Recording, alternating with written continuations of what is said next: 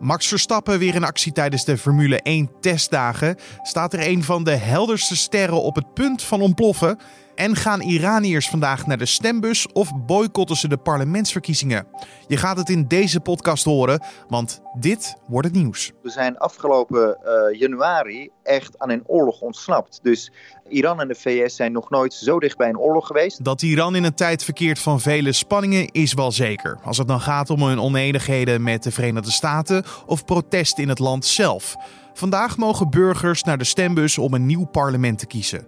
Maar de vraag is of de burger dat wel gaat doen. Hoe dat zit, dat hoor je zo van Iran-deskundige Payman Jafari. Maar eerst kijken we kort naar het belangrijkste nieuws van nu. Mijn naam is Carne van der Brink en het is vandaag vrijdag 21 februari. Een door Holland American Line georganiseerde chartervlucht met bijna 270 passagiers is onderweg naar Schiphol. Aan boord van het vliegtuig bevinden zich 39 Nederlanders die lang vastzaten op het schip de Westerdam. Alle passagiers zijn negatief getest op het coronavirus, meldt het ministerie van Buitenlandse Zaken aan nu.nl. De buitenlandse passagiers zullen op eigen gelegenheid doorvliegen naar huis. En er zal geen quarantaine of iets dergelijks plaatsvinden bij deze reizigers. Ze zullen na aankomst naar hun eigen eindbestemming kunnen reizen. En hun lokale GGD zal contact met hen opnemen over hun situatie. Of ze krijgen het verzoek zelf contact op te nemen met de GGD. Australië vreest voor een nieuwe zware verbleking van het koraal op het Great Barrier Reef. De overheidsorganisatie die het rif overziet heeft tekenen van schade gezien sinds de temperatuur van het water bij het rif is gestegen. In 2016 en 2017 werd het rif al getroffen door zware verbleking. En bij deze verbleking verliest koraal zijn kleur doordat algen op het koraal afsterven. Dit kan komen door onder meer verwarming van het water. Met duikers, helikopters en observaties door bezoekers aan het rif probeert de overheid de situatie in de gaten te houden. Het steekincident binnen een zorginstelling aan de Morel in Wageningen van woensdagavond heeft het leven geëist van een bewoner. De man woonde in het gebouw van de regionale instelling voor beschermd wonen. Bij de steekpartij raakten ook twee medewerkers van de instelling gewond. En volgens een woordvoerder gaat het onder omstandigheden goed met ze. De politie meldt verder in een statement dat de zorgen van bewoners die via de media naar buiten kwamen serieus worden onderzocht. Want onder meer Omroep Gelderland berichtte dat omwonenden drie keer 112 moesten bellen voordat een woordvoerder van het alarmnummer toegaf dat er geen politieauto's beschikbaar waren. AZ is met een 1-1 gelijkspel moeizaam begonnen aan het tweeluik met Lask Lins in de tweede ronde van de Europa League. Een late strafschop van Teun Koopmeiners voorkwam de derde nederlaag op rij voor de Alkmaarders. Eerder op de donderdag verloor Ajax met 2-0 op bezoek bij Getafe. De laatste twee overgebleven Nederlandse clubs krijgen volgende week donderdag in de return de zware opdracht om toch nog de laatste 16 van de Europa League te halen. Dan over naar het hoofdgerecht van deze podcast. En daarvoor nemen we het vliegtuig naar Iran om daar te kijken hoe de verkiezingen vandaag zullen verlopen. Want Iraniërs gaan vandaag naar de stembus om te stemmen voor een nieuw parlement. Het is vrijwel zeker dat de aanhangers van opperleider Ayatollah Ali Khamenei de overwinning zullen behalen. Maar het land heeft te maken met veel spanningen. In het eigen land, maar ook met de Verenigde Staten. Hoe Iran er nu voor staat, dat vroeg ik aan Payman Jafari, Iran-deskundige aan de Universiteit van Princeton en de Universiteit van Amsterdam. Ja, afgelopen jaar is uh, voor heel veel Iraniërs een zeer zwaar jaar geweest. Uh, de economie is met uh, eh, 9% eh, gekrompen. Uh, met name door de economische sancties die door de VS zijn opgelegd. En ja, 80% van olieinkomsten is gekelderd. Mensen voelen dat, zich, voelen dat dus enorm in, in de portemonnee. Uh, daarbovenop zijn er een aantal protesten geweest afgelopen jaar in november uh, tegen olieprijs, benzineprijsstijging. En die zijn zeer hardhandig uh, neergeslagen. Er zijn honderden doden daarbij gevallen.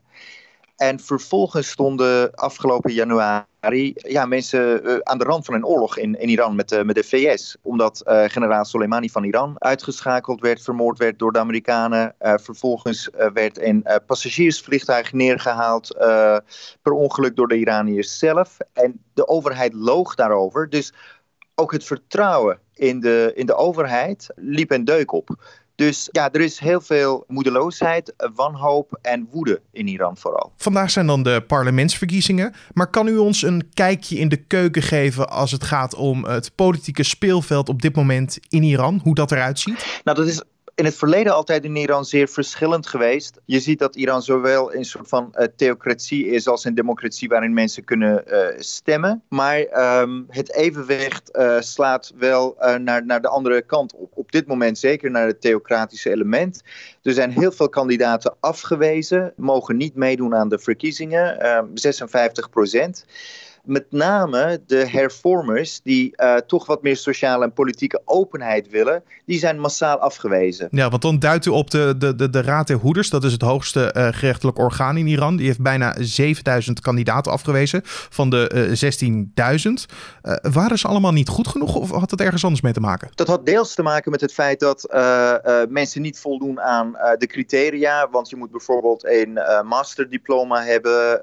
je moet tussen de 30 en 65 jaar jaar zijn enzovoort. Dus als mensen daaraan niet voldoen, worden ze afgewezen. Maar politiek speelde een hele belangrijke rol. Want uh, uh, verdacht veel van de mensen die zijn afgewezen, behoorden bijvoorbeeld tot de hervormers. Of de gematigden, die een wat meer ja, sociale en politieke openheid in Iran willen. Overigens zijn ook heel veel conservatieven zelfs uh, afgewezen. Dus er is heel veel woede ook tegen die raad van hoeders, die ja, als een filter werkt en in rem zet op vrije verkiezingen. Ja, dus de vraag is inderdaad of er dan wat te kiezen valt, inderdaad. Hoe kijkt u daarnaar? Ja, kijk, dat is altijd in Iran een vraag geweest, want uh, die beperking is er altijd geweest. Uh, uh, mensen voelden dat er niet echt vrije verkiezingen zijn waar iedereen aan mee kan doen. Uh, dus dat is niet nieuw. Wat wel nu nieuw is, dat uh, uh, ja, die openheid nog minder wordt. Hè? Omdat er heel veel mensen zijn afgewezen. Vandaar dat het enthousiasme om aan die verkiezingen mee te doen dit jaar echt het laagste is ooit. En ik denk dat we een van de laagste opkomsten gaan krijgen. In 2003 was de opkomst uh, 51 procent. Uh, ja, ik denk dat, dat het nu ook in die buurt of misschien zelfs lager gaat uitvallen. Ja, want tijdens een toespraak die door de staatstelevisie werd geciteerd, omschreef de Iraanse opperleider, de Ayatollah, het als een religieus plicht om te gaan stemmen. Uh, waarom geeft hij zo'n duidelijke boodschap mee voor vandaag? Omdat hij inderdaad ook bang is dat er heel weinig mensen gaan stemmen? Kijk, ook dat wordt bij elke verkiezing gezegd. Want het is natuurlijk belangrijk voor de machthebbers, zeker de opperste leider, dat er een hoge opkomst is. Want dat geeft legitimiteit. men kan zeggen van kijk maar, we staan onder buitenlandse druk, maar mensen gaan naar naar de stembus. Uh, wat je in het verleden zag, is dat rond verkiezingen ook nog eens het allemaal opener werd. Dat er juist wel publiekscampagnes gevoerd konden worden, dat, dat kledingsvoorschriften minder strikt nageleefd werden. Uh, want men wilde uh, de bevolking naar de stembus trekken. Dus het bleef niet alleen bij woorden. Uh, ik zie nu wel een verschil. Opnieuw zegt de opperste dat mensen moeten gaan stemmen, maar er wordt nauwelijks openheid geboden. En ik denk dat dat te maken heeft omdat zij weten dat de opkomst laag gaat zijn, uh, maar uh, dat dat de prijs is die ze willen betalen voor hardhandig optreden, omdat ze denken Iran zit in een noodsituatie, buitenlandse dreiging. Dus daardoor heen komen heeft nu meer prioriteit dan uh, echt hoge opkomst. Want u zei het net al inderdaad, de, het, de problemen waar ze nu in zitten. Twee landen die al sinds 2018 met elkaar over alles oneens zijn, Iran en Amerika.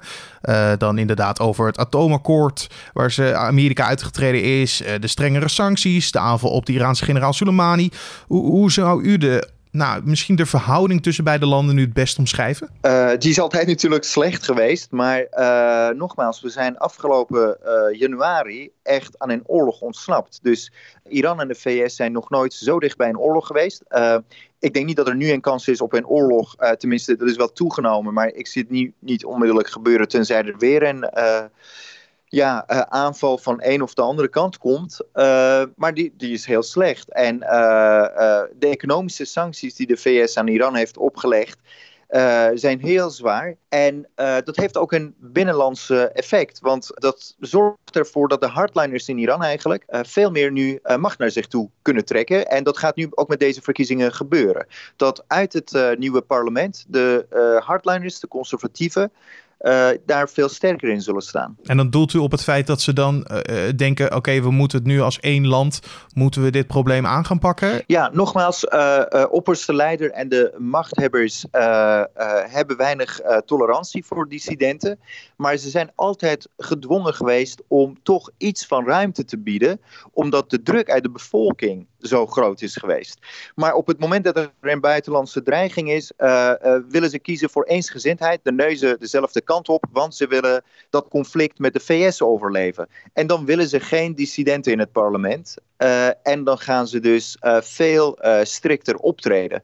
Want ze willen dat zowel het parlement als de presidentschap, als die raad van hoeders ja, in handen zijn van de hardliners. Die zijn loyaler en kunnen dat conflict met de VS beter aan, denken ze. Misschien een hele gekke vraag hoor, maar stel je voor uh, de parlementsverkiezingen die pakken anders uit of inderdaad een verrassing zit daarin bij de uitslag. Zou het kunnen dat uh, misschien met een nieuw parlement ook de toenadering naar het westen weer mogelijk zou kunnen zijn? dat kan, kijk, het, het, punt is juist op het moment dat er conservatieven in het parlement zitten en opperstleider het gevoel heeft dat ja, mensen die aan hem trouw zijn aan de touwtjes trekken, zijn ze ook wat meer bereid om concessies te doen of overleg uh, te voeren. Uh, want dan hebben ze het zelf in de hand. Dat, dat is het punt. Een tweede punt van verrassingselement kan zijn: kijk, ik noemde die raad van hoeders een filter. Uh, omdat die kandidaten goedkeurt of afkeurt. Maar filters werken uh, nooit perfect. Dus daar komen altijd sowieso mensen doorheen die zich in het parlement ook anders gaan opstellen. Vervolgens zul je zien, zelfs als er conservatieven en hardliners uh, daar binnenkomen, ja, ze moeten toch besluiten gaan nemen over verschillende onderwerpen. En dan zie je dat er toch ook heel vaak meningsverschillen ontstaan. Want dan nog even afsluitend, samenvattend over nou, de dreiging van een hele lage opkomst in Iran bij de parlementsverkiezingen. Wat kan dat betekenen voor de koers die het land nu opgaat? Ja, er zijn heel veel veranderingen in Iran geweest. Uh, ofwel meer uh, naar open systeem of meer autoritair. In, af, uh, in de komende jaren zal het veel meer autoritair worden, omdat een groter deel van de macht bij de hardliners en conservatieven neerkomt. en bovendien die oorlogsdreiging en de sancties er zijn. Dus um, die hardliners zullen uh, veel minder uh, geduld hebben met dissidenten, met uh, journalisten, met intellectuelen, met studenten die protesteren. En ook hardhandiger gaan optreden tegen protesten, want ze hebben het gevoel, we zitten in, een, in het oog van de storm, conflict met, met, de VS en dat moeten we ten koste van alles gaan overleven. Um, dat zal het zijn. Het leven zal daardoor ook moeilijker worden voor uh, Iraniërs. Meeste Iraniërs die zitten tussen twee vuren zowel hun eigen uh, leiders die ja, uh, corrupt en autoritair optreden. En die economische sancties van de VS die uh, ja, hun portemonnee raken. Je hoorde Payman Javari, Iran-deskundige aan de Universiteit van Princeton en de Universiteit van Amsterdam. En dan werpen we nog even een blik op de agenda van vandaag. Want Max Verstappen komt vandaag weer in actie op de laatste dag van de eerste testweek van de Formule 1. De Nederlander begint in de ochtend, waarna zijn teamgenoot Alexander Albon het na de pauze van hem overneemt. Verstappen mocht de nieuwe auto van Red Bull woensdag voor het eerst uittesten. En hij was toen tevreden over het verloop van de test. En of hij vandaag ook weer positief gezind is over de auto van Red Bull, dat lees je natuurlijk op nu.nl. En dit is niet het einde van deze testperiode, want volgende week zijn er weer drie testdagen in Barcelona. En het is vandaag een spannende dag voor wetenschappers, want de ster Betelgeuze is vandaag op zijn dofst. Normaal is dat een van de helderste sterren in het heelal, maar de laatste tijd scheen hij steeds minder fel. Nou gebeurt dat wel vaker en wordt zo'n ster daarna normaal gesproken vanzelf weer helderder, maar dit keer dooft hij zo snel dat het best zou kunnen dat er een supernova aan zit te komen. Dat is een grote ontploffing van die ster. Dat zou dan vanaf de aarde goed te zien zijn met licht dat mogelijk helderder is dan de maan. Maar of het echt tot zover komt, moet vandaag dus blijken. Dan nog even het weer. Deze vrijdag begint het met een zonnige ochtend, waarna de bewolking begint toe te nemen. Het waait matig tot vrij krachtig en in het noorden van het land kan het licht gaan regenen. In de rest van Nederland blijft het droog en het wordt niet warmer dan 9 graden. En dan nog een onderzoek van de dag om mee af te sluiten. Want mensen die vrijwilligerswerk doen, zijn gelukkiger dan mensen die dat niet doen. Dat komt naar voren in een gepubliceerde analyse van het Centraal Bureau voor de Statistiek. Onder vrijwilligers zegt 91% zich gelukkig te voelen. Bij mensen die geen gratis arbeid verrichten, is dat 85%. In 2018 zei bijna de helft van de Nederlanders van 15 jaar en ouder in de 12 maanden ervoor iets van vrijwilligerswerk gedaan te hebben. Drie op de tien liet weten dat dit recent nog het geval was geweest. Of mensen vaker gelukkig en tevreden zijn doordat ze vrijwilligerswerk doen, of dat mensen die zich gelukkig en tevreden voelen zich vaak als vrijwilliger inzetten, dat is niet onderzocht. Misschien is dat iets voor de toekomst. Maar ja, ik ben ook ooit begonnen als vrijwilliger bij een lokale omroep. En toen en nu was en ben ik dolgelukkig. Dus ik ben ook benieuwd of jij je herkent in deze analyse. En dit was dan de Dit wordt het nieuws podcast voor deze vrijdag 21 februari. Je kan de podcast van maandag tot met vrijdag op de voorpagina vinden. En op de vrijdag hebben we altijd een extraatje voor je. Dan kan je namelijk naar de Week van Nu podcast luisteren, die in dezelfde feed gewoon te vinden is. De redacteuren van nu.nl bespreken het, het nieuws van deze week. Wat viel ons op? Dat hoor je allemaal in deze podcast.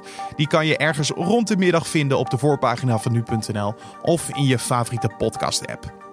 Heb je tips, feedback of uh, toevoegingen voor de podcast? Laat die dan ons weten via ons mailadres podcast.nu.nl. En als je iets wilt delen met ons, doe dat dan vooral via de mail podcast.nu.nl. Mijn naam is Carne van der Brink. Voor nu wens ik je een hele fijne vrijdag, een mooi weekend en dan tot maandag.